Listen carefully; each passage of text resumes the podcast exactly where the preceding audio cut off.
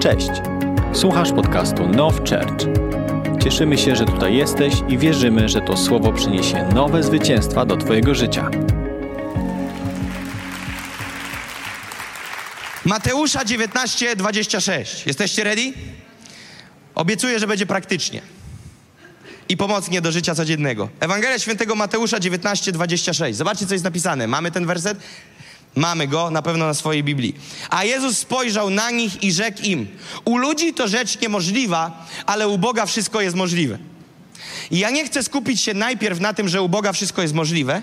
Chcę skupić się na tym, uwaga, że jest pewien zakres w naszym życiu, który jest niemożliwy do przeforsowania. Ok? Chciałem, żebyśmy to zrozumieli, że ty i ja w naszym życiu, jako ludzie, spotykamy się, spotykaliśmy się i będziemy spotykać się z rzeczami, które są niemożliwe do przeskoczenia. Nie wiem, ile tego typu kazań było na podstawie tego wersetu, ale chcę, żebyśmy sobie ustanowili to jako fakt. Bo zazwyczaj w tych wersetach skupiamy się w tym wersecie na tej drugiej części, w Bogu wszystko jest możliwe. Ale musimy zrozumieć też fakt, że w dniu codziennym spotykają nas sytuacje, które są możliwe do przejścia jako człowiek.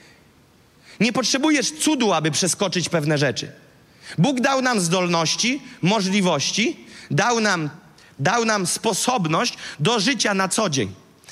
Niektórzy ludzie mówią, ja się codziennie rano modlę, w co mam się ubrać. Nie jestem pewien, czy jest to potrzebne, bo wierzę, że Bóg dał ci rozum i możesz zdecydować.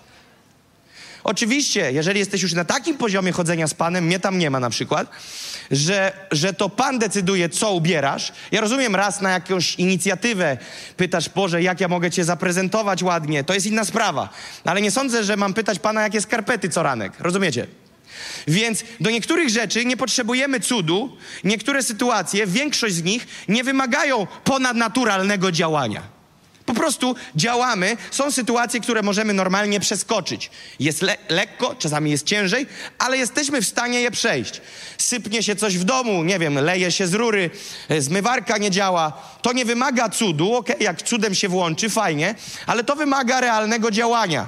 Działania, jeżeli facet nie ma dwóch lewych rąk, to coś tam ogarnie, a jeżeli nie ogarnie, ja na przykład nie ogarnę, no to ja zadzwonię po kogoś, kto ogarnie. I ten ktoś, kto ogarnie, przyjedzie i to zrobi. Generalnie nie trzeba tutaj duchowej wojny podjąć. Ale są obszary w naszym życiu codziennym, gdzie dotykamy takiej góry, że, za, że przekroczona jest już pewna linia i staje się to wymiarem niemożliwego. I my musimy rozróżnić, gdzie jest ta granica między możliwym a niemożliwym. I my często, charyzmatycy, lubimy tą linię zniżać coraz bardziej i wszystko zrzucać na Boga, że to Bóg musi wszystko za nas zrobić. Nie. Bóg mówi, że są wymiary możliwego i niemożliwego. I to, co możliwe u ludzi, róbmy to, co jest możliwe naszymi siłami.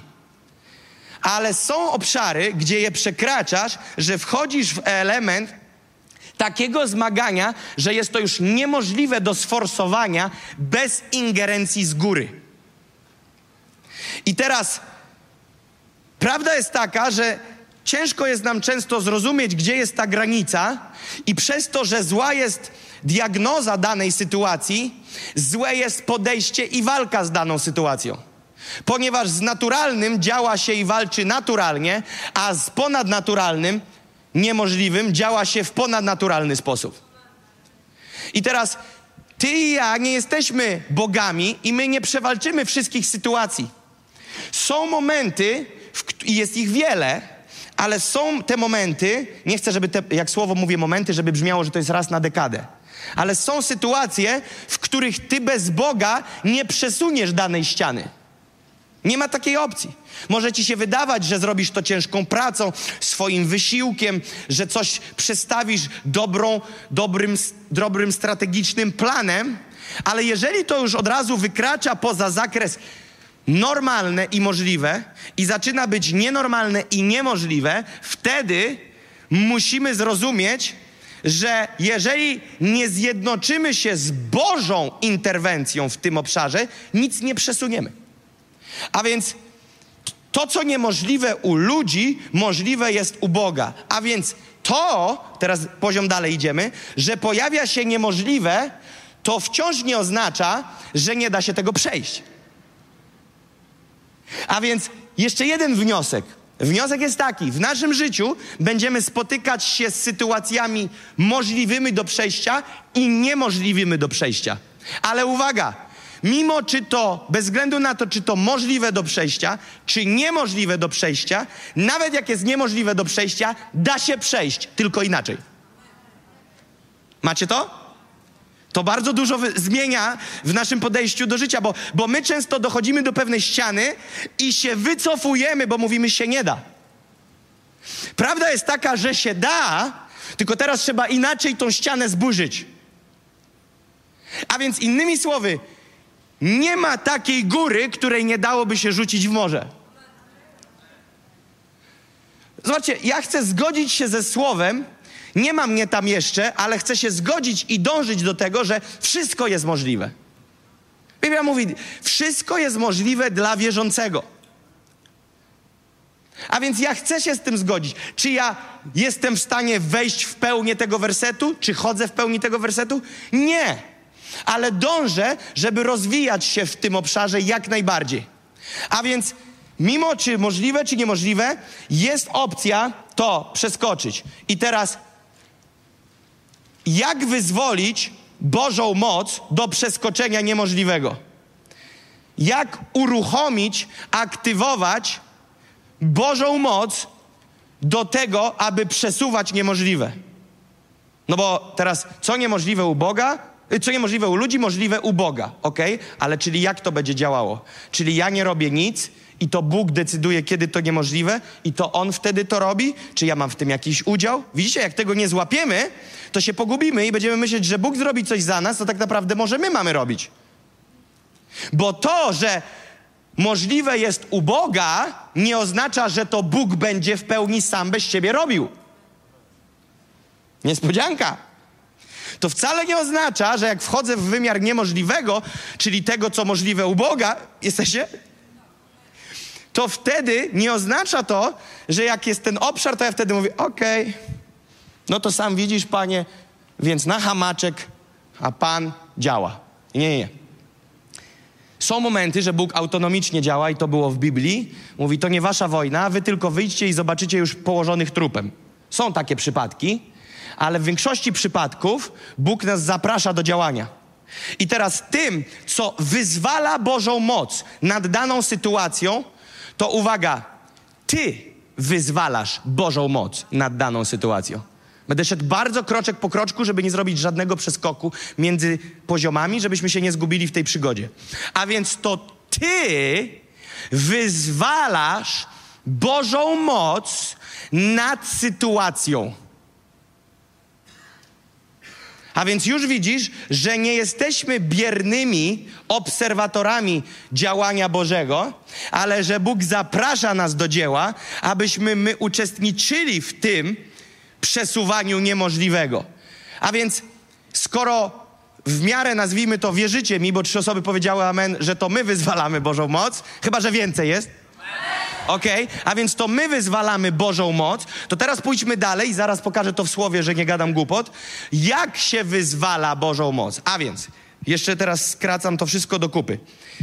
Nie, możliwe rzeczy? Okay. Naprawiamy, robimy, działamy. Dzień codzienny, życie, po prostu. Wchodzimy w obszar niemożliwego. Nie przeforsujemy tej sytuacji bez Bożej ingerencji, a więc Bożą ingerencję, Bożą moc my chcemy przyjąć, ale my wyzwalamy Boże działanie nad naszym życiem. I teraz wchodzimy do poziomu kolejnego. Jak wyzwalamy Bożą wolę w naszym życiu? Nie inaczej jak przez modlitwę. Modlitwa uwalnia, wyzwala, sprowadza i dopisz sobie synonimów ile chcesz, Bożą moc w Twoim życiu, nad Twoim życiem, w sytuacjach, które są, może modlitwa, uwaga, modlitwa może zapobiec sytuacjom, modlitwa może zmienić sytuację, modlitwa może zainicjować sytuację. I teraz tak, pozwólcie, że na chwilę odejdę od kazania i powiem przykład. Z mojego życia, ok? Jakoś tak się dzieje, że w ostatnich okresach czasu, długo to, czas dużo, szybko leci, więc nazwijmy to gdzieś tam dwa lata ostatnie, poznaję jakichś ludzi, nazwijmy to naszym językiem, wpływowych. Tych postawionych wysoko, których widać w telewizji, którzy są w, na liście Forbesa. Poznaję tych ludzi jakimś dziwnym trafem. Bóg mnie z nimi łączy. Ja ich nie szukam, ja na nich trafiam, oni na mnie i nagle siedzimy. Ludzie, którzy mogliby dosłownie, głupio to zabrzmi, ale charyzmatycy tak myślą, swoją dziesięciną opłacić 10 dysy za airtime z góry. Ok? I ja poznaję tych ludzi wpływu. Poznaję tych ludzi, e, którzy mają, mają naprawdę wielkie e, możliwości po ludzku. Po ludzku.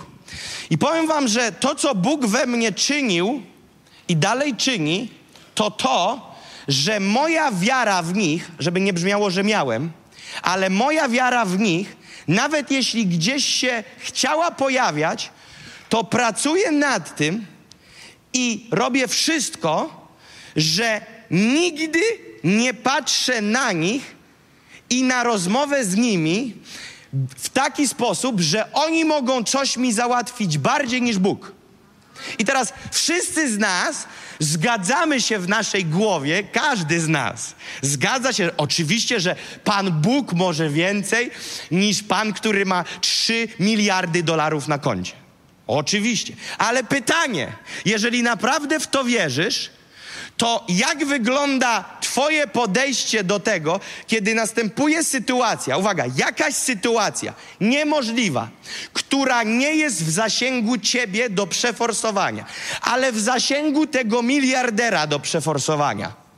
On może ją przesunąć, ale i Bóg może ją przesunąć.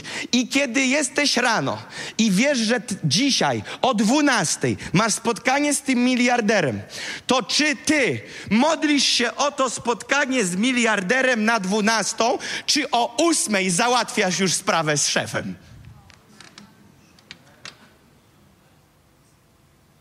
Czyli z Bogiem. Macie to? Jaką masz wiarę, że kto załatwi sprawę bardziej? W dzisiejszych czasach mogę się mylić, poprawcie mnie, za 80 zł miesięcznie, 100 zł, można mieć prywatną opiekę medyczną. Około 100 zł zbierzesz się w grupę i w różnych jakichś tam placówkach medycznych prywatnych możesz mieć prywatną opiekę medyczną. 100 złotych. Masz gabinety, każdy z klimatyzacją, prywatnych lekarzy, do których dzwonisz i maksymalnie jutro cię przyjmują. I to jest w pakiecie. 100 zł miesięcznie. I teraz, kiedy rano się budzisz i jesteś chory, łatwiej ci zadzwonić do nieba, czy zadzwonić do twojej prywatnej kliniki, w której masz abonament za 100 złotych? Gdzie wierzysz w te rozwiązania? Gdzie wierzysz w te rozwiązania, kiedy jest ci smutno? Mamy wybitą teologię w głowie, że moglibyśmy, każdy z nas by mógł pogłosić o tym, że Bóg jest pokojem, Bóg jest radością. Ale kiedy ci jest smutno, to czy przychodzisz do Boga po to, aby mieć radość, czy przychodzisz do Boga po to, żeby powiedzieć, jak ci źle i żeby On wysłał kogoś, z kim możesz się pośmiać? Pomyśl o tym. Zamknęliśmy Boga w butelce teologii i mamy problem, żeby On z tej butelki wyszedł i w życiu praktycznym mógł działać. Więc, więc mogłem spotykać się z tymi ludźmi. Spotkałem się z jednym człowiekiem w jednym z jego hoteli. Wieżowce w centrum, e, w centrum stolicy, to nie w Polsce, w innym kraju.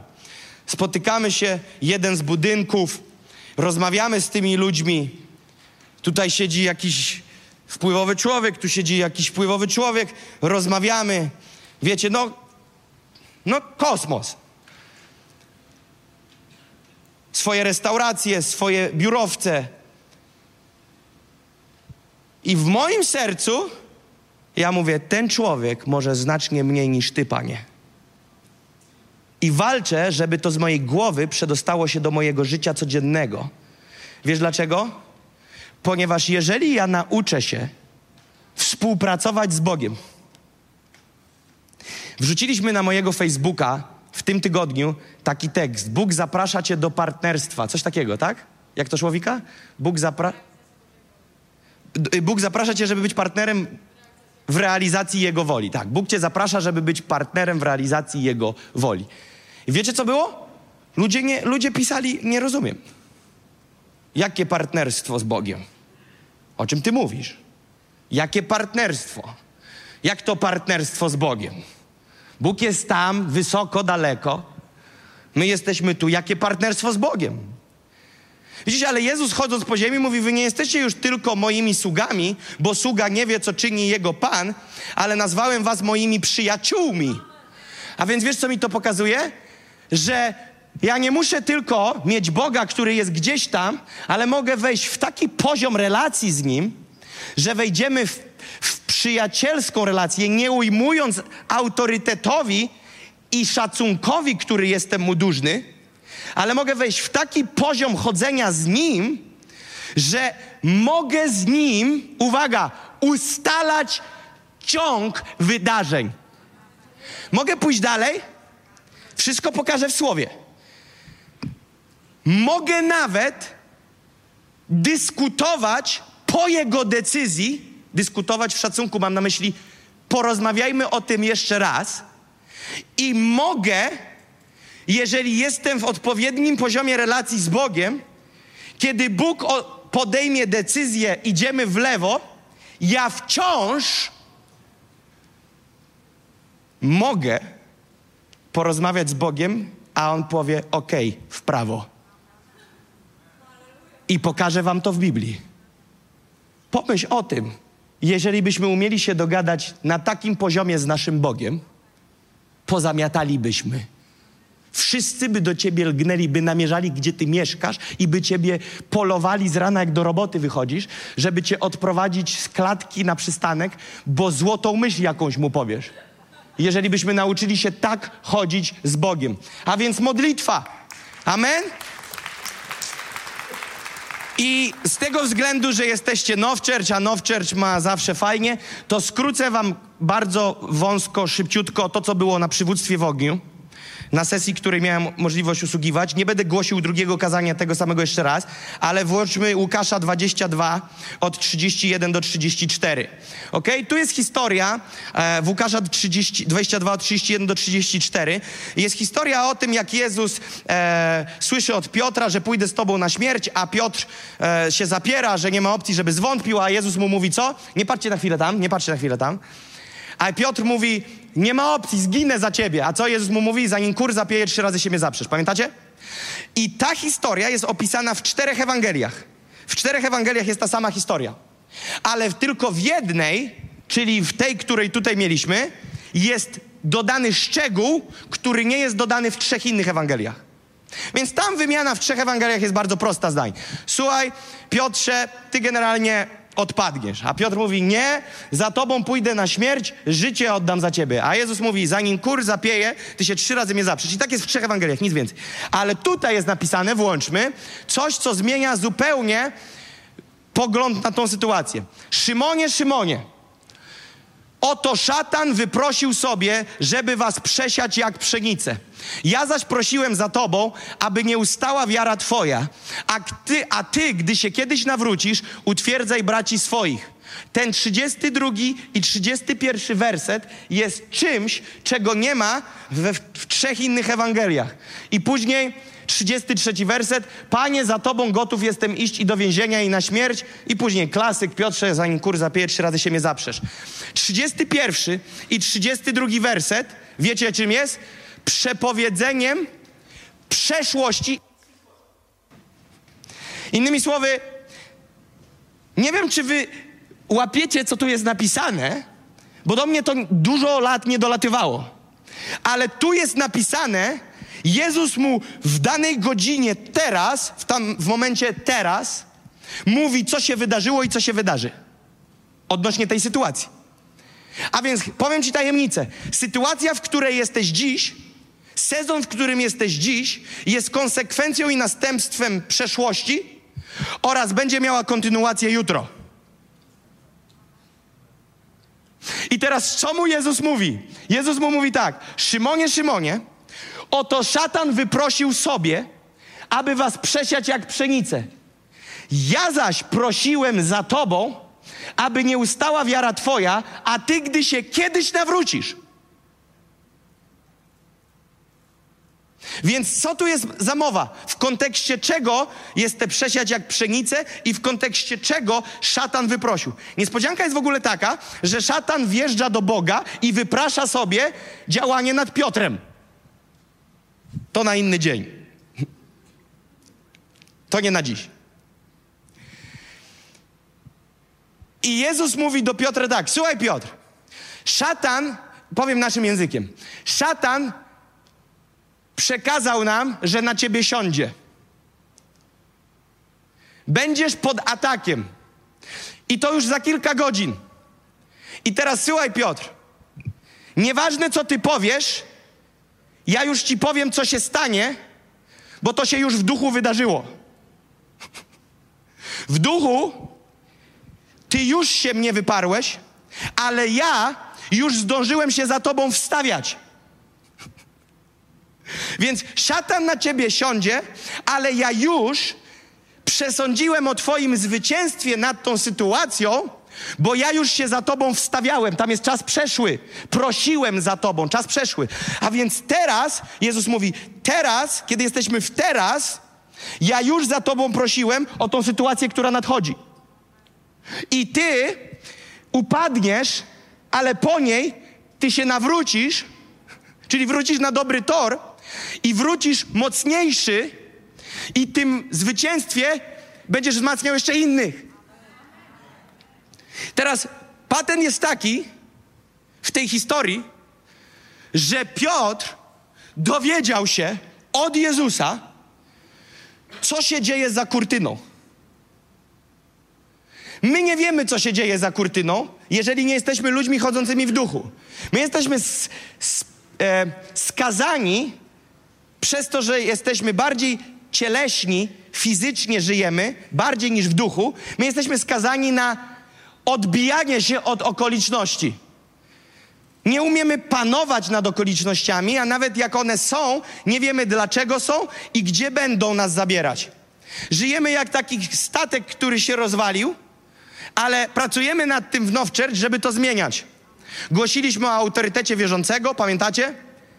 Głosimy dalej, kontynuujemy to, jak być, jak być tym, który rządzi, a nie się odbija.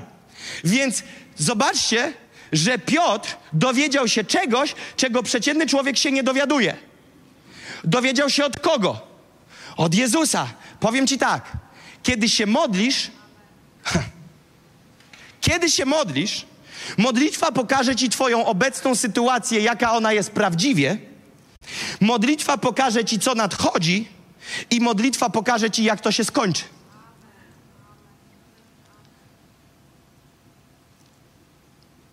O, ile ten kryzys jeszcze potrwa, ile te ciśnienie będzie trwało. Nie wiesz, nie wiesz. Masz nadzieję, że jutro się to skończy, że pojutrze się to skończy. Budzisz się każdego dnia i widzisz, że to ciągle trwa. Nie wiesz, w jakim etapie tego sezonu jesteś. Nie wiesz, ile jeszcze się zmagać. Nie wiesz, ile jeszcze walczyć. Nie wiesz, ile jeszcze o to pościć. I znacie te takie memy, to nie memy w sumie, takie grafiki motywujące na social mediach, gdzie tam ktoś kopie do skarbu i, i się na metr przed skarbem zatrzymał. I tam skarb jest i, jest napisane wytrwaj do końca. Znacie te takie... Bar bardzo takie, ktoś powie pewnie, widzisz, no właśnie, to, to, to już kontynuuje.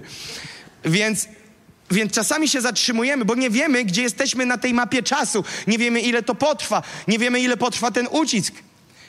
Izrael nie wiedział. Mojżesz wiedział, że się 430 lat kończy. Mojżesz się tego dowiedział, że Bóg go posyła i mówi: Dosyć, za długo ta niewola w Egipcie trwa. Mojżesz to wiedział, Bóg to wiedział, ale Izraelici tego nie wiedzieli. Więc widzisz, kiedy chodzisz w duchu, kiedy chodzisz modląc się, kiedy chodzisz w połączeniu z Duchem Świętym, Bóg ci pokaże, jak do czasu odnosi się sezon, w którym jesteś dziś, a kiedy będziesz to wiedział, to mówisz mi, łatwiej się żyje. Łatwiej się żyje, kiedy ja dziś wiem, że this is our time będzie spłacone. Nie wiem jak, ale wiem, że będzie. I to daje mi siłę, żeby iść dalej z tym projektem. Wiem, że będzie spłacone, ale nie wiem jak. Ale gdybym nie wiedział, to przed każdą kolejną decyzją, teraz powiem tak, ten This is our time byłby gorszy jakościowo niż będzie, bo ja przez strach, nie wiedząc jak to się skończy, zacząłbym ciąć budżet.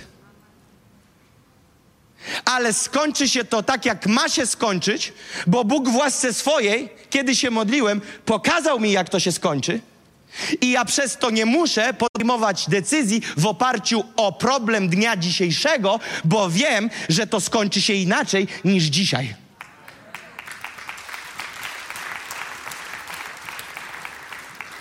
To co, to, co widoczne, to, co fizyczne, to, z czym dzisiaj walczysz, to tak naprawdę to jest walka z wiatrem. To są tylko manifestacje w świecie fizycznym. Rzeczy są dawno ustanowione w świecie duchowym. Fizyczny wymiar się tylko dostosowuje do tego, co dzieje się w duchu. Wiecie, że film Matrix to nie był film fantasy, to był dokumentalny? Ci, którzy oglądali, wiedzą o czym mówię, ci, którzy nie oglądali, nie musicie oglądać. To był dokument. On opowiada o tym, że świat nie jest taki, jaki wszyscy myślą, że jest. Jest inna rzeczywistość. I ludzie dziś nie wiedzą, co się dzieje. Nie wiedzą, jak to wygląda, nie wiedzą, czemu się dzieje to, czemu się dzieje tamto, ale w rzeczywistości duchowej Piotr nie wiedział, co się dzieje. Piotr myślał logicznie i mówi tak: Ja zaprzeć się Jezusa? Nie ma takiej opcji. A Jezus mówi tak. Pomyśl, jak Jezus znał timing. Jezus wiedział w tej historii, pierwszy raz prawdopodobnie coś takiego usłyszycie. Wiecie, że to było proroctwo o tym, że kur zapieje trzy razy?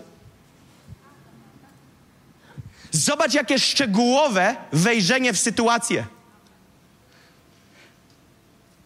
Piotrze, ja ci powiem nawet co do sekundy, kiedy ty się mnie zaprzesz, ok? Kiedy ty będziesz wypowiadał słowa trzeci raz, że mnie nie znasz, kur będzie nabierał powietrza.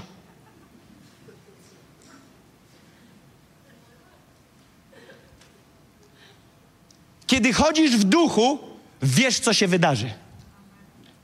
Nie jesteś czarnym magikiem, nie wiesz wszystkiego, ale możesz przewidywać wydarzenia. Możesz przewidywać wydarzenia. Miałem kilka razy sytuację, w którym Bóg pokazał mi, co się wydarzy. Pamiętacie tą historię, gdzie pilot z samolotem pasażerskim sieknął w górę? Samobójstwo popełnił, rozbił samolot pasażerski o góry lata temu. Chwilę przed tym wydarzeniem miałem dokładnie taki sen. Do dziś nie wiem po co, co mogłem zrobić, ale Bóg pokazał mi kilka wydarzeń, które miały miejsce na świecie. Widziałem, widziałem samolot pasażerski, który uderza w górę z ludźmi na pokładzie i że wszyscy giną. Wydarzyło się to? Wydarzyło. Miałem sen o jednym człowieku w jednej firmie, prezesa, którego znałem i znam nadal.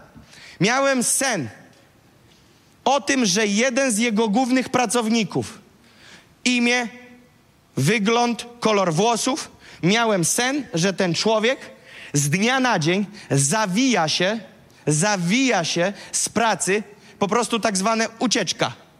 Nie przychodzi z dnia na dzień do roboty i ja w tym śnie widzę, jak ta osoba, ten menadżer jedzie na dworzec, wchodzi na dworzec z samego rana, w dniu pracującym, wsiada do autobusu i ucieka z miasta. Szef powiedział, że to jest najbardziej wierny pracownik i że to jest niewykonalne. Finał, ta osoba zniknęła, nikt nie wiedział, co się stało. Wróciła x czasu potem, nie chcę dużo szczegółów mówić, bo może ktoś gdzieś jest na sali lub słucha, a nie lubię ludzi zawstydzić.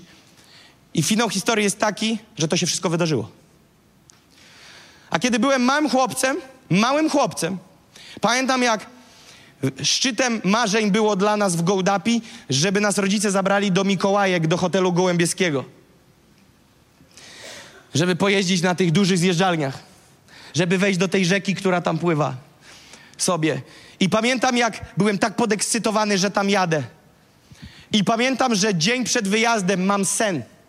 Mam sen, w którym widzę tak jakby projekt 3D całego hotelu Gołębiewskiego, jak wygląda wejście, jakie są zjeżdżalnie, jakie są schody. I pamiętam, jak dziś, kiedy byłem dzieckiem, miałem ten sen. W tym śnie zobaczyłem, że na jednym z jacuzzi, na drugim schodku stoi tabliczka, że nie działa. I pamiętam jako młody chłopak, kiedy przyjechaliśmy tam, wszystko było tak jak we śnie. Ja zgupiałem, mój mózg dzieciaka nie ogarniał. I pamiętam, że mnie przytkało, jak poszliśmy na strefę jacuzzi i na drugim schodku stoi ta tabliczka, którą tej nocy w śnie widziałem. Mówię, co się odwala? Dziś wiem, Bóg mnie przygotowywał. Bóg mnie przygotowywał tymi snami, jak rozumieć to, co się dzieje. Bóg mnie uczył już od dzieciaka, jak poruszać się w tej niewidzialnej rzeczywistości i później świat widzialny tylko odzwierciedla. Więc pomyśl o tym, ok? Jesteś gotowy na to? Oznacza to, że Bóg wiedział, że ktoś z hotelu Gołębiewskiego weźmie tą tabliczkę i postawi na tym schodku i mi to pokazał. Pomyśl, co on wie. On wie wszystko. W kościele naszym, z którego ludzie odchodzą, odeszli, przed odejściem niektórych osób, między 6 a 8 miesięcy przed ich odejściem, powiedziałem dla niektórych liderów: ci ludzie odejdą. I odeszli. Do dziś 10 na 10, których widziałem, że mają odejść, podzieliłem się kilku osobom nie po to, żeby już przekreślić, tylko powiedziałem, jest źle. I jeżeli się coś nie zmieni, ta osoba odejdzie. Popracuj nad tym człowiekiem. Pomóż tej osobie. Zrób co możesz, bo ta osoba odejdzie. Ta osoba jeszcze tego nie wie, ale jeżeli się nic nie zmieni, odejdzie. 10 na 10 trafiłem. Na pół roku. Rekord mój 8 miesięcy wcześniej. 8 miesięcy wcześniej wiedziałem, kto odejdzie i kiedy. Dlaczego? Bo Bóg pokazuje. I teraz nie patrz na mnie jak na wariata, to jest dostępne dla wszystkich. Ludzie, którzy chodzą pod tego typu działaniem, ja to pikuś jestem, inni są mocniejsi. Później ludzie boją się rozmawiać z takimi ludźmi, bo wiedzą, że ten wie.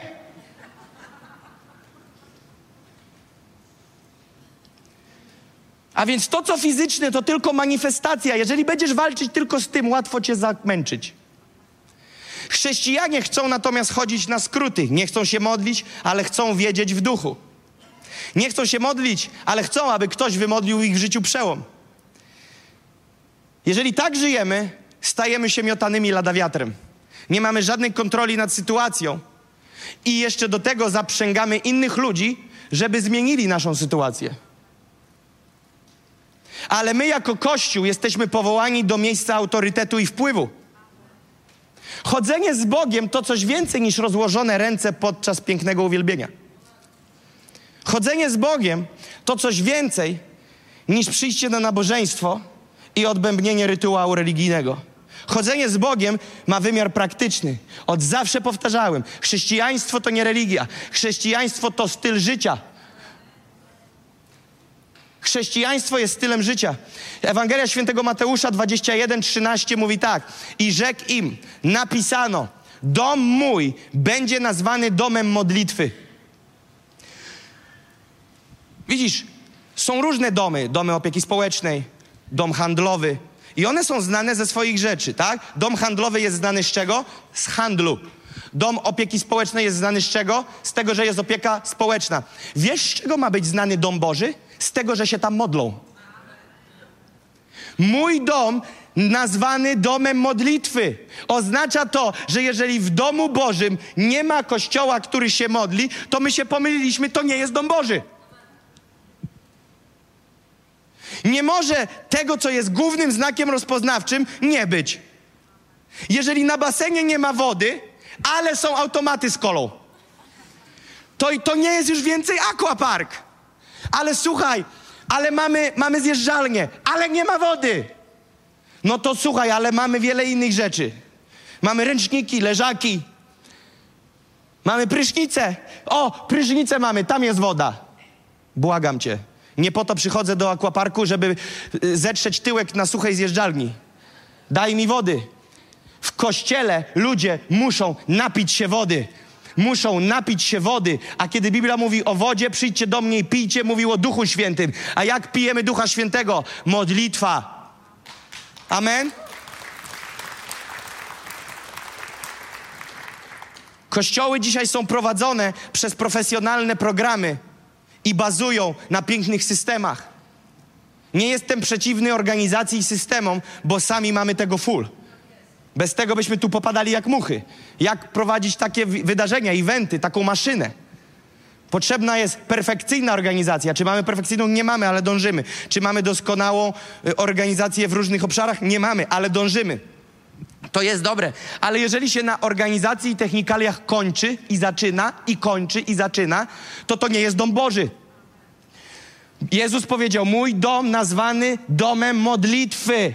Główną rzeczą, z której powinien być Kościół znany, to Kościół Bożej obecności, ale nie będzie Bożej obecności, jeżeli nie będzie ducha modlitwy i uwielbienia.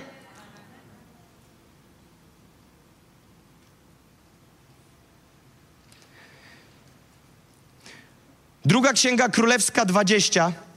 Mówiłem wam, że powiem w Biblii, gdzie jest napisane o tym, że można wpływać na wyroki Pana? Proszę bardzo, zapraszamy. Zapiąć pasy, proszę. Druga Księga Królewska, rozdział 20, werset 1 do 11. W owych dniach Hiskiasz śmiertelnie zachorował. Śmiertelnie zachorował. Co to znaczy śmiertelnie zachorował? To znaczy, że będzie miał katar i kaszel i wydobrzeje. Śmiertelnie zachorował znaczy koniec. Śmiertelnie zachorował. Wtedy przybył do niego prorok Izajasz. Jak wielu z was wie, że Izajasz jest mocnym zawodnikiem?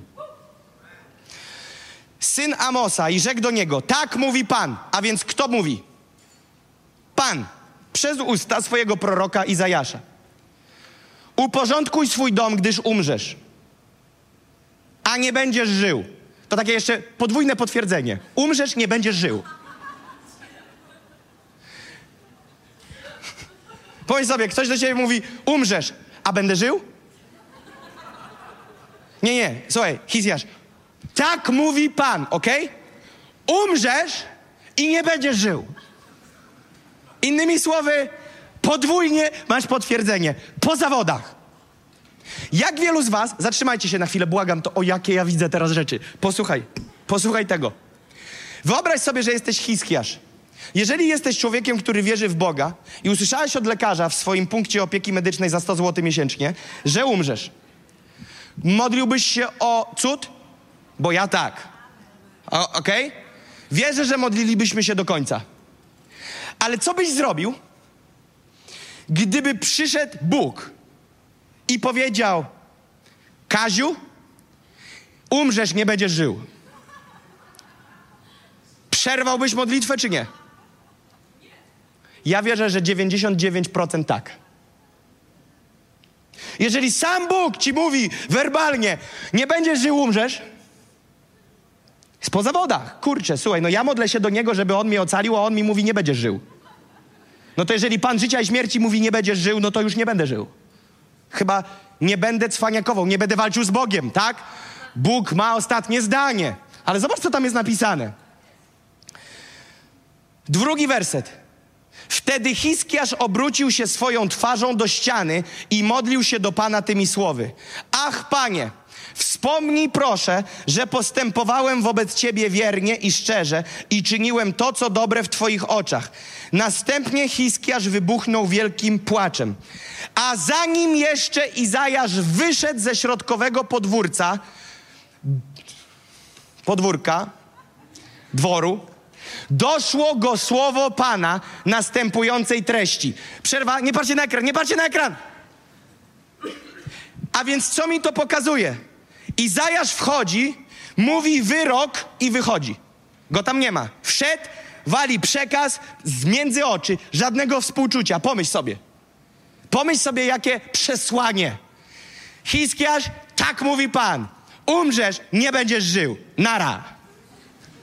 I wychodzi. I jest już na wyjściu, jest już poza komnatą, jest już za korytarzem, jest już, jest już na zewnątrz praktycznie.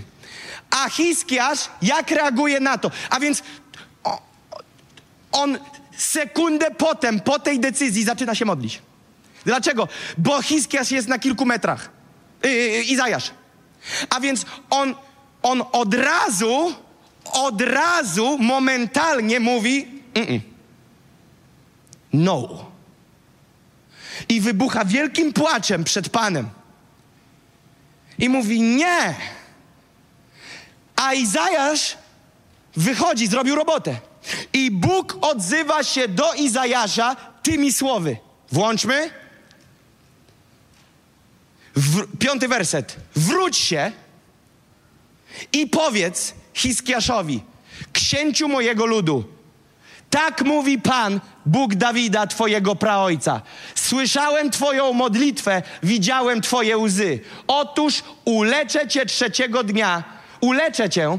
Trzeciego dnia, wstąpisz do świątyni Pana, dodam też do Twojego życia 15 lat.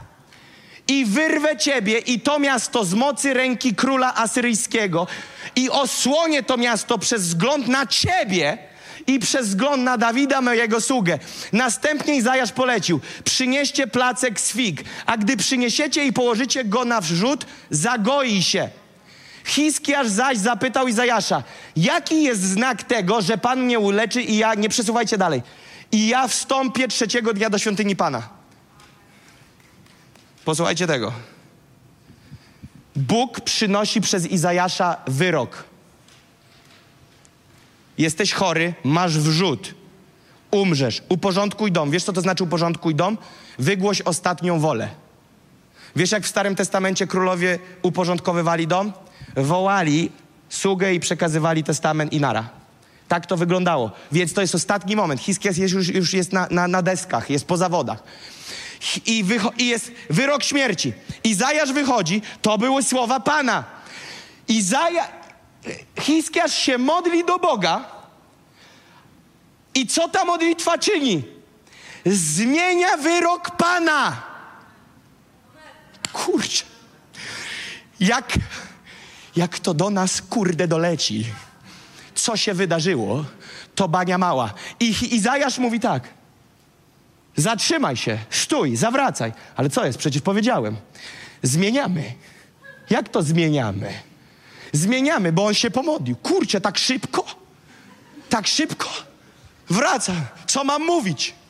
Idzie już, co mówić? Powiedz mu 15 plus. Pomyśl sobie jako prorok. Kurczę, chyba jestem fałszywym prorokiem.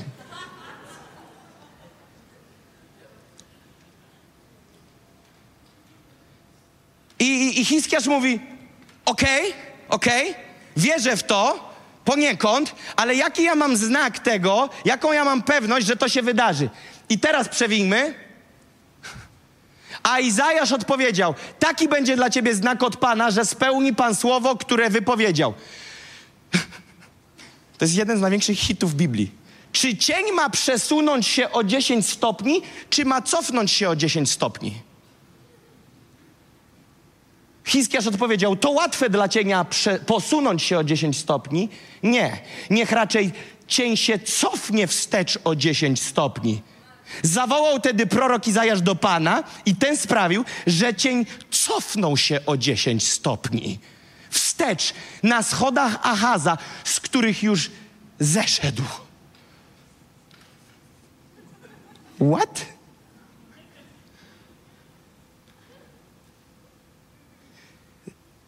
Brakuje mi jednego wersetu pomiędzy czymś a czymś.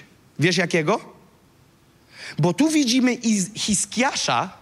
Oj, jak mam gęsią skórkę teraz.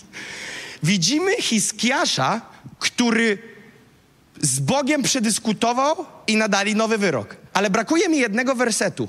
Gdzie Izajasz przedyskutował z Bogiem bajer o cieniu?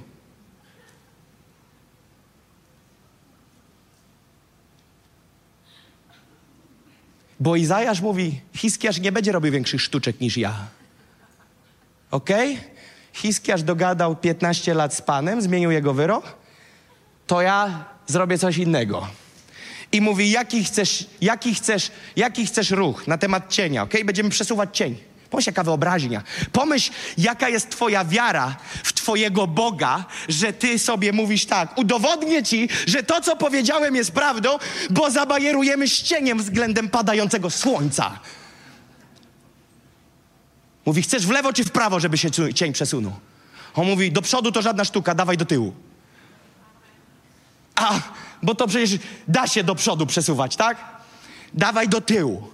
Co to za... To nic trudnego do przodu. Do tyłu przesuń. A, bo słońce idzie do przodu. Przesuń do tyłu, cwaniaku.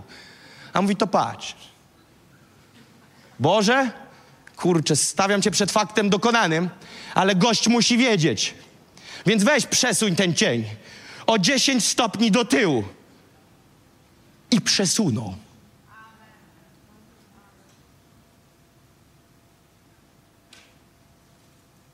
I mówi mu jeszcze tak, przez te 15 lat, stary, to jeszcze zamieszanie przebudzenia zrobimy przez ciebie.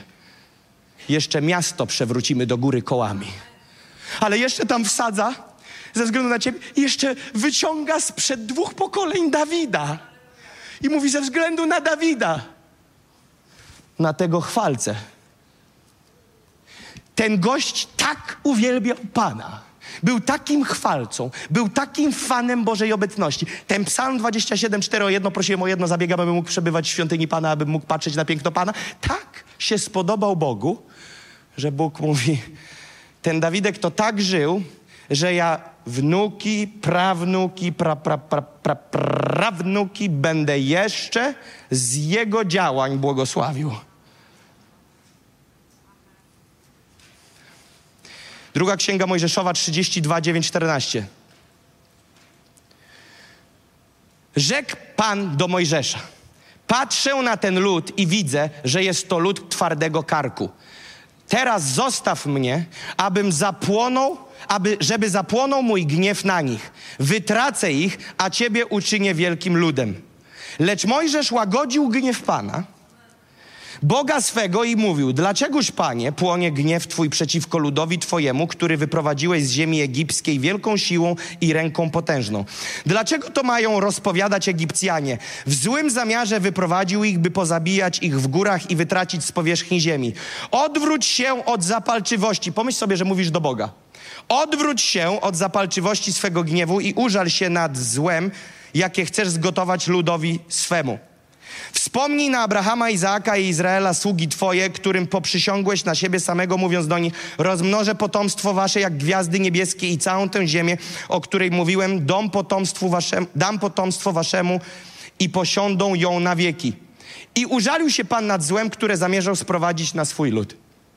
A w innym tłumaczeniu jest napisane, wówczas to Pan zaniechał zła, jakie zamierzał zesłać.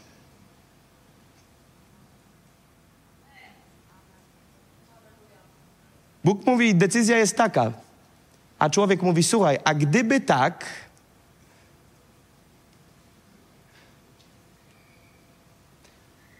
w Now Church my chcemy takiego chodzenia z Bogiem.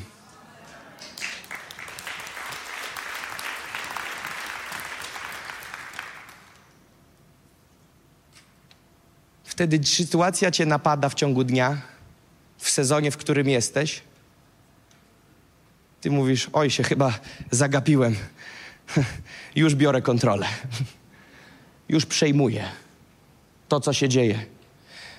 Nie chcę was e, zasmucić teraz, ale chciałbym na chwilę wam pokazać realię Kościoła, generalnie, nie tylko naszego, generalnie. Dzisiaj w Kościele?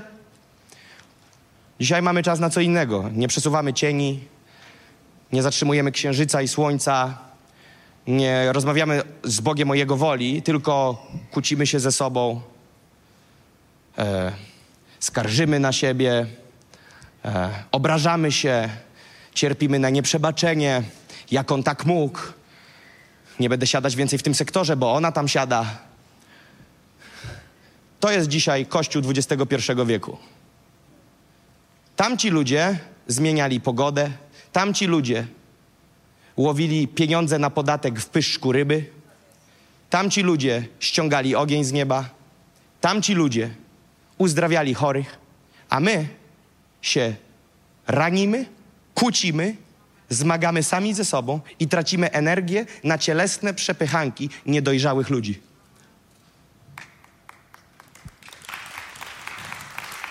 Jest czas, aby podjąć wyzwanie, że nie będziemy więcej dziećmi. że będziemy żyć inaczej.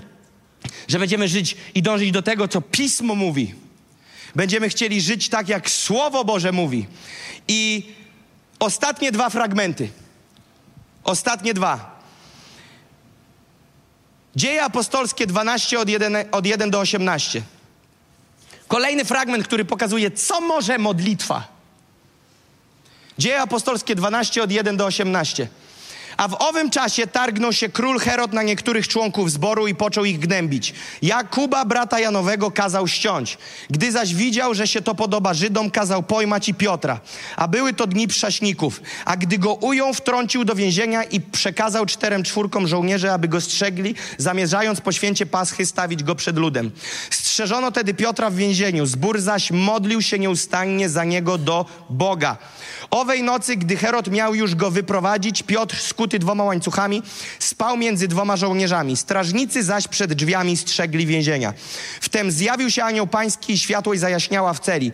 Trąciwszy zaś Piotra w bok, obudził go mówiąc, wstań prędko i opadły łańcuchy z jego rąk. I rzekł anioł do niego, opasz się i włóż sandały swoje. I uczynił tak. I rzekł mu, narzuć na siebie płaszcz swój i pójdź za mną. Wyszedł więc i podążał za nim, lecz nie wiedział, że to, co się dzieje za sprawą anioła jest rzeczywistością. Sądził raczej, że ma widzenie. A gdy minęli pierwszą i drugą straż, doszli do żelaznej bramy wiodącej do miasta, która się im sama otworzyła. I wyszli na zewnątrz, przeszli jedną ulicę i nagle anioł opuścił go. A gdy Piotr przyszedł do siebie, rzekł, teraz wiem naprawdę, że Pan posłał anioła swego i wyrwał mnie z ręki Heroda i ze wszystkiego, czego oczekiwał lud żydowski. Gdy sobie to uświadomił, udał się do domu Marii, matki Jana, którego nazywano Markiem, gdzie było wielu zgromadzonych na modlitwie.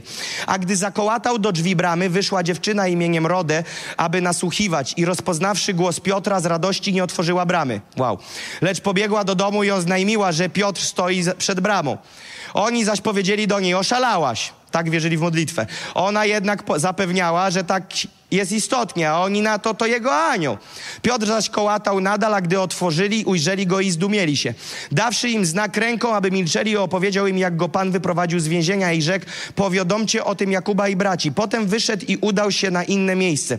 A gdy nastał dzień, powstał niemały popłoch wśród żołnierzy, co się stało z Piotrem. Herod zaś kazał go szukać, a gdy go nie znalazł, kazał przesłuchać stróżów i wyprowadzić na stracenie. Potem odszedł z Judei do Cezarei i tam przebywał. Mamy dwóch bohaterów. Jakub, brat Janowy, który został zamordowany. Kiedyś o tym mówiłem. Bardzo krótko tylko to wspominam. Jakub został zamordowany. Nie wiem, czy wiecie, Jakub to ten, który chodził blisko z Jezusem. Jakub to nie był człowiek, który popadł w grzech i teraz kara go spotkała. Nie. Jakub spotkał się z sytuacją ataku wroga. Wróg nastał na życie Jakuba.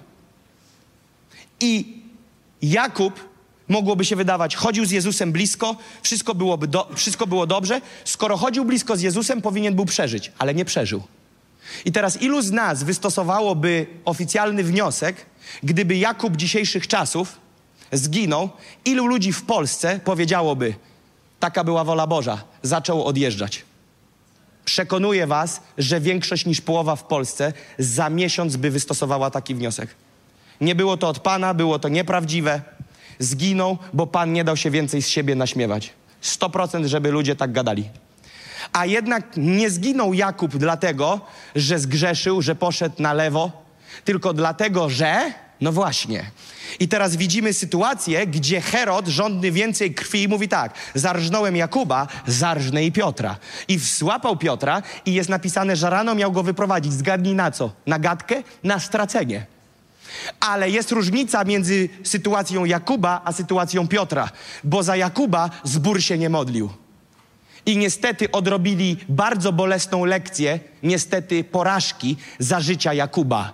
I teraz powiedzieli tak: zacięli Jakuba, zniszczyli Jakuba, nie modliliśmy się o Jakuba, bo myśleliśmy, że jego relacja z Panem mu wystarczy. Nie wspieraliśmy go. Ale teraz wesprzemy Piotra i zaczniemy modlić się o Piotra. I cały zbór się modli. I modli się, i modli się. I teraz co mówiłem na początku nabożeństwa? Że my wyzwalamy Bożą moc. Więc co wyzwolił modlący się Kościół? Interwencję nieba. W jaki sposób? W postaci wysłanego anioła. Kościół wyzwolił ratunek Pana. Kościół wymodlił ratunek Pana. Kościół uwolnił Bożą moc, która to wysyła Bożego anioła. Jaki jest ciąg następstw? Bo teraz są następstwa po aniele. Anioł schodzi i następują następstwa, ale te następstwa są konsekwencją modlitwy. Jaka jest konsekwencja?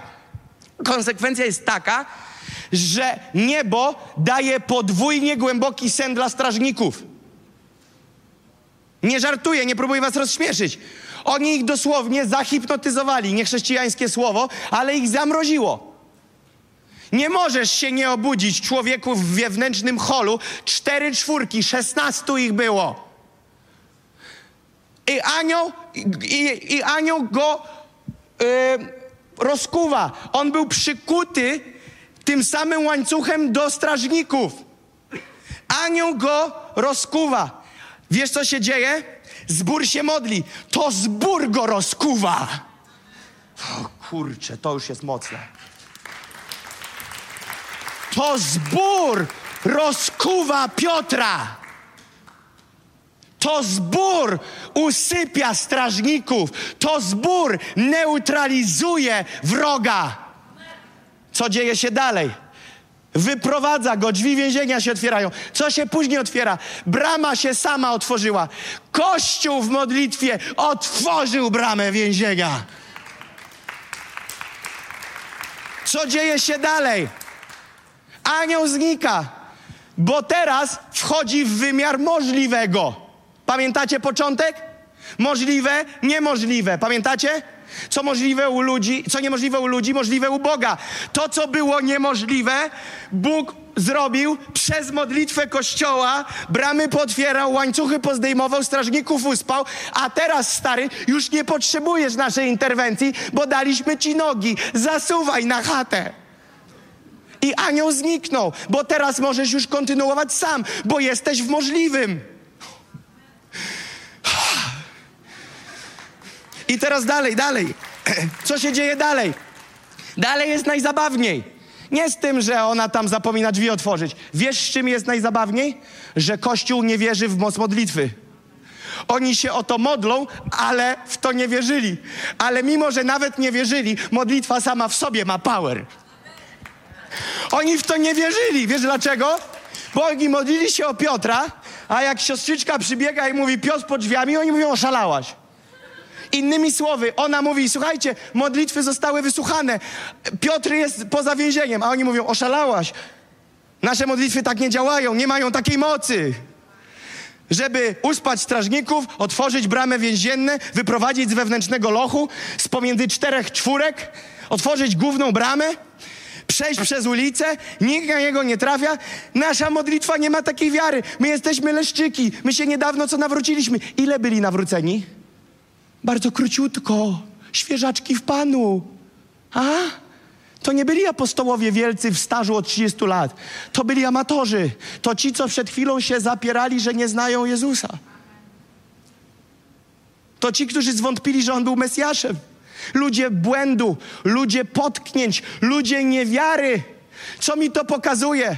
Modlitwa czyni cuda, ale jeszcze nie koniec.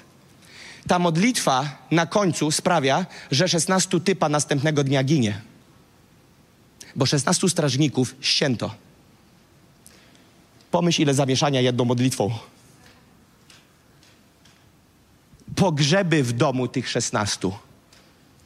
Mogę iść dalej? Brzmi zabawnie, ale biznes pogrzebowy się kręci. Chłop, który sprzedaje wianki, nie wie, że ma przychód, bo Kościół się modli. Jesteście ze mną? Wiem, że to daleko idzie, ale to daleko sięga. Modlitwa sięga bardzo daleko. Eliasz lub Elizeusz, wiecznie mylę imiona, Gehazi na chacie, jego sługa. I co? Przyjeżdża Naaman, chory. I on tu myśli, co tu zrobi prorok, po, podymi, podmucha, a ten nawet z domu nie wychodzi. Mówi, weź powiedz chłopakowi, żeby poszedł się wykąpać w Jordanie. On nawet nie wyszedł do niego, z dystansu to załatwili. Zobaczcie, jak my w pudełko Boga popakowaliśmy. A więc co chcę przez tę sytuację powiedzieć? Mi jest wstyd, że ja się tak mało modlę. Wiesz dlaczego? Bo to pokazuje, że ja nie wierzę w moc modlitwy.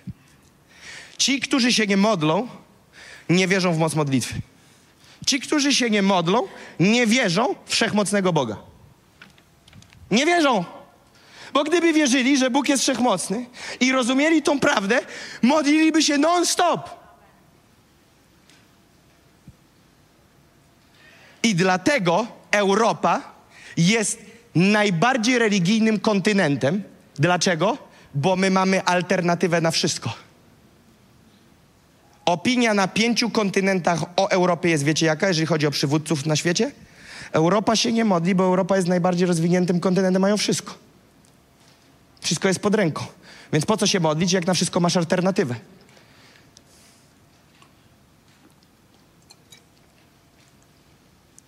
Ale w takiej Afryce na wiosce, jak Bóg nie zaingeruje i mod- z modlitwy nie zadziała, to ludzie poumierają. I tam nie ma abonamentu za 100 zł. Oni lekarza, oni słowa doktor nie znają. Tam jest kwestia prosta. Duchowość w Kenii, kiedy przyszedł ten szaman na nasze spotkanie, on błagał, szaman prosił, żeby go nie wysyłać na policję. Więc ja zapytałem pastorów, dlaczego się szaman boi policji. Mówię, dlaczego w ogóle policja? A pastor powiedział bardzo ciekawą rzecz. Wika to słyszała, Madzia słyszała. Pastor powiedział, bo czary są tu nielegalne. W Europie nikt nie wierzy w takie rzeczy. Jak ja bym poszedł na policję i powiedział prawdziwą historię. Panie władzo, jeden kościół warszawski modli się, żeby nam This is our time nie wyszło. Weźcie, dajcie im mandat lub ich zamknijcie, bo oni się o nas modlą, żeby nam nie wyszło. On by powiedział, co ty ćpałeś, chłopie? My nie wierzymy w takie rzeczy. W duchowość nie wierzymy. Człowieku, w ogóle nie ma na to papierów, kwitów, kodeksu. Albo bym powiedział, ta kobieta, która modliła się o śmierć mojego dziecka, taka chrześcijanka, modliła się, żeby moje dziecko umarło. E, gdybym poszedł na policję i powiedział, panie władzo, tamta pani się modli, żeby moje dziecko umarło, to jest usiłowanie zabójstwa. Taka jest prawda. To jest usiłowanie zabójstwa. 15 lat powinna dostać. Policjant by co powiedział? Człowieku, o czym ty mówisz, chłopie? Co ty mówisz? Ona sobie jakieś tam wierzenia ma. Ale w Afryce tak wiedzą i wierzą, że duchowość jest realna, że czary są łamaniem prawa, bo wiedzą, że to jest prawdziwe. I wierzą, że ta duchowość ma wpływ na świat fizyczny, dlatego jest to zakazane. Wiecie, że niektórzy politycy p- zostali zdyskwalifikowani, odcięci od wyborów, kiedy śledztwo wykazało, że mieli opłaconych czarnoksiężników, którzy wróżyli nad ich zwycięstwem? I zdyskwalifikowano ich z wyborów, bo grali nieczysto. Tam wierzą, bo wiedzą, że to prawda. A my, dzieci Boże, teologia w palcu, ale się nie modlimy, bo nie wierzymy, że to prawda.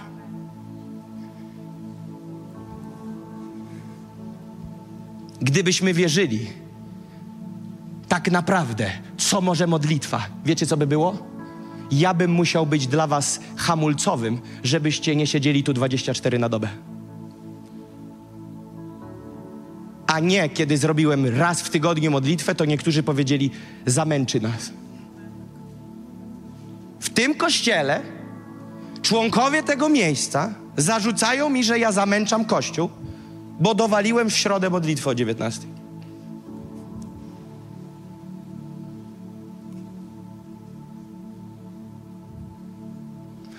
Chciałem powiedzieć, że będę męczył jeszcze gorzej. Będę te problemy ściągał na Twoją głowę. Będę chciał, żebyś zmieniał okoliczności w swoim życiu. Są duże kłopoty. Będziesz się modlił, będziesz zwyciężał. Przepraszam Cię za to.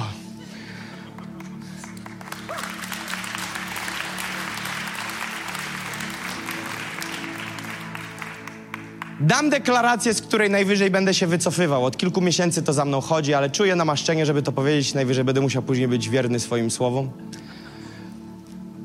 Sercu rodzi się we mnie pragnienie, żeby trochę zabrać mojego czasu z wyjazdów za granicę i dać go więcej dla Was, dla Polski. Dla Polski, dla Warszawy, dla Now Church.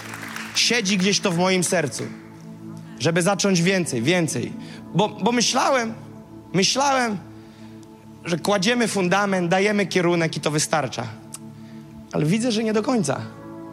Widzę, że nie do końca. Widzę, że trzeba, że, że nie można za dużo z tego kajaka wysiadać.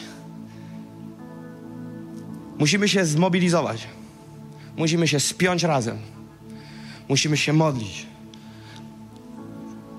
Modlić się razem. Kościół, który modli się razem, scala się razem. Zaczyna się scalać razem. Dostałem już kilka zaproszeń na przyszły rok na zagranicę, do różnych kontynentów. Każde wstrzymałem, żadnego nie potwierdziłem. Mam konferencję na kilku, kilkaset pastorów, którą chcą, żebym poprowadził w kilku krajach Afryki. Nie potwierdziłem. Mam do Azji, nie potwierdziłem. Mam do kilku innych miejsc, nie potwierdziłem, bo czekam, czekam. I widzę, jak Bóg chce, żebyśmy poszli razem. Razem. To nie znaczy, że nie szliśmy razem.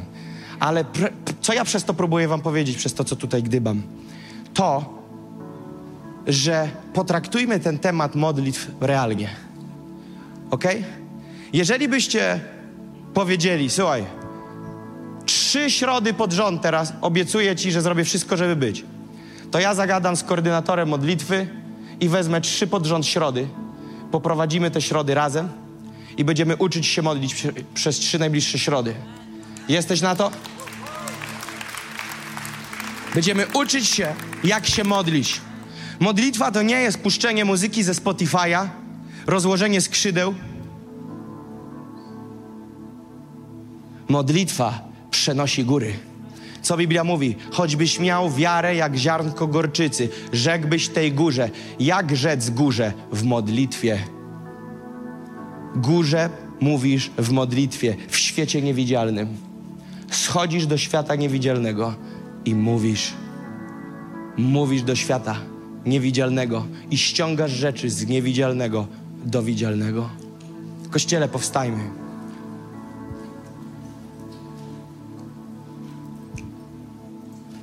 Jeremiasza 32, 27 mówi: Oto ja jestem Pan, Bóg wszelkiego ciała. Czy jest dla mnie coś niemożliwego? Pomyśl o tym. Mój Bóg, Twój Bóg, nasz Bóg mówi: Czy jest dla mnie coś niemożliwego? Nieważne jak wielka ta góra by była, jak stroma by była, jak niemożliwie do ruszenia by była musi się ruszyć. Modliliśmy się w ostatnich tygodniach o kilka rzeczy w związku z This is Our Time. Jedną z nich, to nie jest wstęp do ofiary, są finanse. I modlimy się o finanse. Teraz posłuchajcie, ponieważ czasami mam takie wrażenie, a niektórzy mi powiedzieli, że tak jest. Ja, ja nie uważam się za wielkiego herosa wiary, ale, ale czasami mam wrażenie, że niektórzy ślizgają się na mojej wierze. I co mam na myśli? Kiedy ja mówię Halleluja! This is our time będzie spłacone. Ja mam wiarę na tą bańkę 200. Pytanie, czy ty zgadzasz się z moją wiarą, czy ty też masz w to wiarę? Spróbuj to ro ro rozdzielić. Czy gdybyś ty miał przerzucić górę w modlitwie taką, to czy byś podjął się tego, tej operacji w duchu? Gdybyś był w butach kogoś, kto musi to zrobić. A więc, co próbuję powiedzieć? Każdy z nas ma jakąś, jakiś poziom wiary do pewnego poziomu. Pracuj nad tym, aby przesuwać próg wiary w swoim życiu. Wiesz, jaka była moja, mój próg wiary sześć lat temu? Tak, sześć lat temu, czerwiec, pamiętam, sześć lat temu. Kiedy modliłem się o cud finansowy na poziomie 5 tysięcy złotych, 5700, Andrzej zna historię, bo ktoś mi kiedyś wysłał, na 5700, żeby polecieć na wyjazd misyjny. To był mój szczyt sufitu wiary. Te pieniądze, 5700. I pamiętam, jak wydarzyły się cuda, bo modliliśmy się z moją żoną. Wtedy jeszcze bilety były w takiej cenie, dziś jeden kosztuje tyle. I pamiętam, jak się modliliśmy o ten cud na 5700. I pamiętam, jak idę z moją żoną za rękę przez GoDap. I pamiętam, jak wchodzi mi powiadomienie, że na konto wchodzi mój przelew. Fundacji nie było, nie było konta fundacji. Na moje prywatne konto wchodzi przelew z dopisem dar z nieba. Kwota 5000. Ja się prawie przewróciłem, ja zacząłem płakać na tej ulicy. Dwie, trzy godziny później, około tego samego dnia, dostaję wiadomość na Facebooku od małżeństwa ze Stanów Zjednoczonych, którego nigdy nie widziałem do dziś, że oni mają w sercu teraz sygnał, żeby wesprzeć mnie finansowo i że zrobią przekaz przez Western Union i że ja już teraz mogę iść do banku i od razu to odbiorę. Wchodzę do banku 400 złotych. Finał finałów jest taki, że pod koniec doby idzie osoba, która mnie spotyka wieczorem w parku i mówi do mnie tak, to był człowiek wierzący, mówi tak, dłużej tak nie mogę. Nie mogę trzymać tego, co nie moje, a twoje. I wyciąga mi pieniądze z kieszeni i daje równowartość kwoty, która w totalu daje równo 5700. Pamiętam jak płakałem, płakałem. Później powstały kolejne wyzwania na poziomie 10 tysięcy, 20 tysięcy, 50 tysięcy, 100 tysięcy, 200 tysięcy, 300, 400, 500, milion. Tu nie chodzi o kwotę. Kwota tylko pokazuje górę. Ale dla Boga nie ma nic niemożliwego. I do czego zmierzam? A więc modlimy się jako Kościół o ten cud. Ale teraz o co realnie modlimy się? O cud z nieba, że pojawią się astronomiczne kwoty. Amen?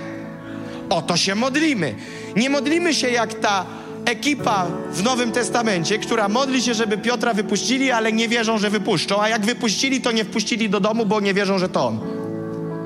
Modlimy się realnie wierząc, że kiedy otworzymy konto, to na koncie będzie jakiś duży przelew. Amen? I wiecie, co się stało w ostatnich dniach? Wchodzę na konto i bum, przelew na 50 tysięcy. Wchodzę dzień później, bum, przelew na 10 tysięcy euro. I nagle przesuwasz się. Przesuwa się. Nagle, wiecie, w ostatnich miesiącach, nie wiem ile, nie wiem ile, nie chcę kłamać, ale myślę, że z pół roku na pewno nie było żadnego przelewu na kilkadziesiąt tysięcy. Chyba, że coś o czym nie wiem, ale nie sądzę, bo nie mam problemów z zauważaniem takich kwot. Rozumiecie? I akurat taki zbieg okoliczności, że w ciągu 24 godzin chodzą dwa przelewy równowartości prawie 100 tysięcy złotych. Jak to wytłumaczysz? Ja ci powiem, jak ja to wytłumaczę. Kościół się modli. I wiesz, co zrobimy? Zapłacimy za ten diod, bo Bóg zaopatrzy. Bóg zaopatrzy. Zaopatrzy. Zaopatrzy. Pamiętam, jeszcze niedawno mówiłem, zobaczycie kościele, kiedyś będzie trzeba płacić po milion za event. Te kiedyś jest dziś. A te kiedyś to było bardzo niedawno. Gdzie będziemy za dwa lata? Kościele, jeżeli my naprawdę czekamy na przebudzenie, to my musimy przygotować swoją wiarę w modlitwie. My musimy przygotować swoją wiarę w modlitwie. Musimy mental nasz zmienić na nową skalę. Na nową skalę. Wiecie, ile nas to kosztowało, mniej mojego brata, żeby przyjechać tu w 2019 roku? 19. i wejść na ten obiekt tam na dole i poprosić, żeby otworzyli nam przestrzeń i spojrzeć na tą halę i powiedzieć: bierzemy. Łeb parował. I pani na szpilkach, pani dyrektor, stoi i pyta, a jaki? Ja mówię, I mówi, a co bierzecie? Ja mówię, tą całą.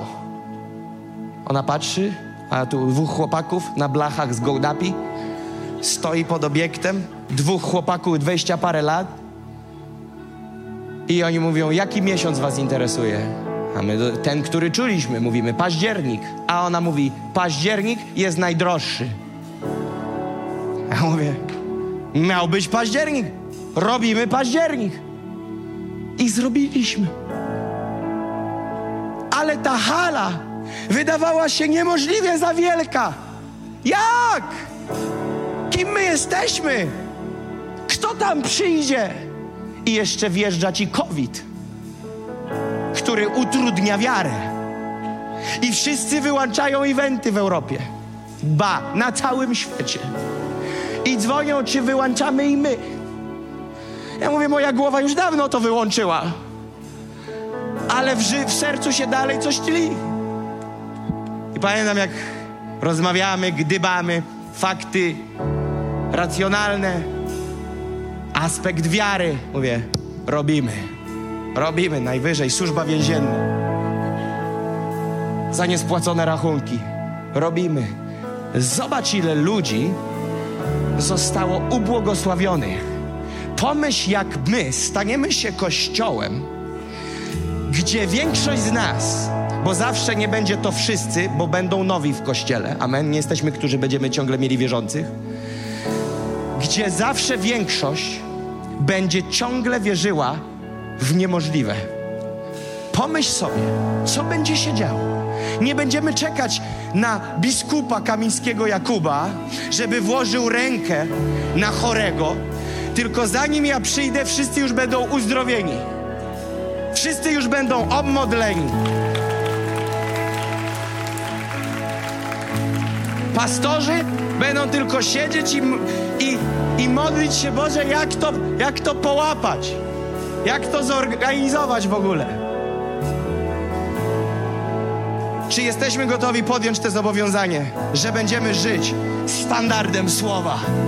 Jeżeli tak, może ciężko ci w to uwierzyć. Podnieś swoją rękę. Podnieś dwie, jak chcesz, jedną. Masz złamaną rękę, podnieś nogę i wierz. Powiedz, wierzę. Wierzę. Panie, pomóż mi wierzyć. Pomóż nam wierzyć. Pokaż nam, czym jest modlitwa. Że modlitwą możemy przesuwać niemożliwe. Że modlitwą możemy znać Twoje wyroki. Panie, że to modlitwa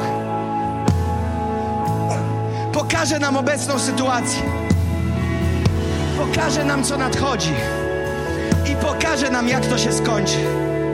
Panie, modlę się, aby Now Church było pokoleniem modlitwy i wiary. Modlitwy i wiary. Aby każda osoba na tym miejscu była ludźmi wiary i ludźmi modlitwy. Ludźmi modlitwy i wiary. Wiary i modlitwy. Modlitwy i uwielbienia. I uwielbienia i chwały. Panie, uczyń nas Kościołem Twojej obecności. O Panie. O Panie. Dziękujemy, że byłeś z nami.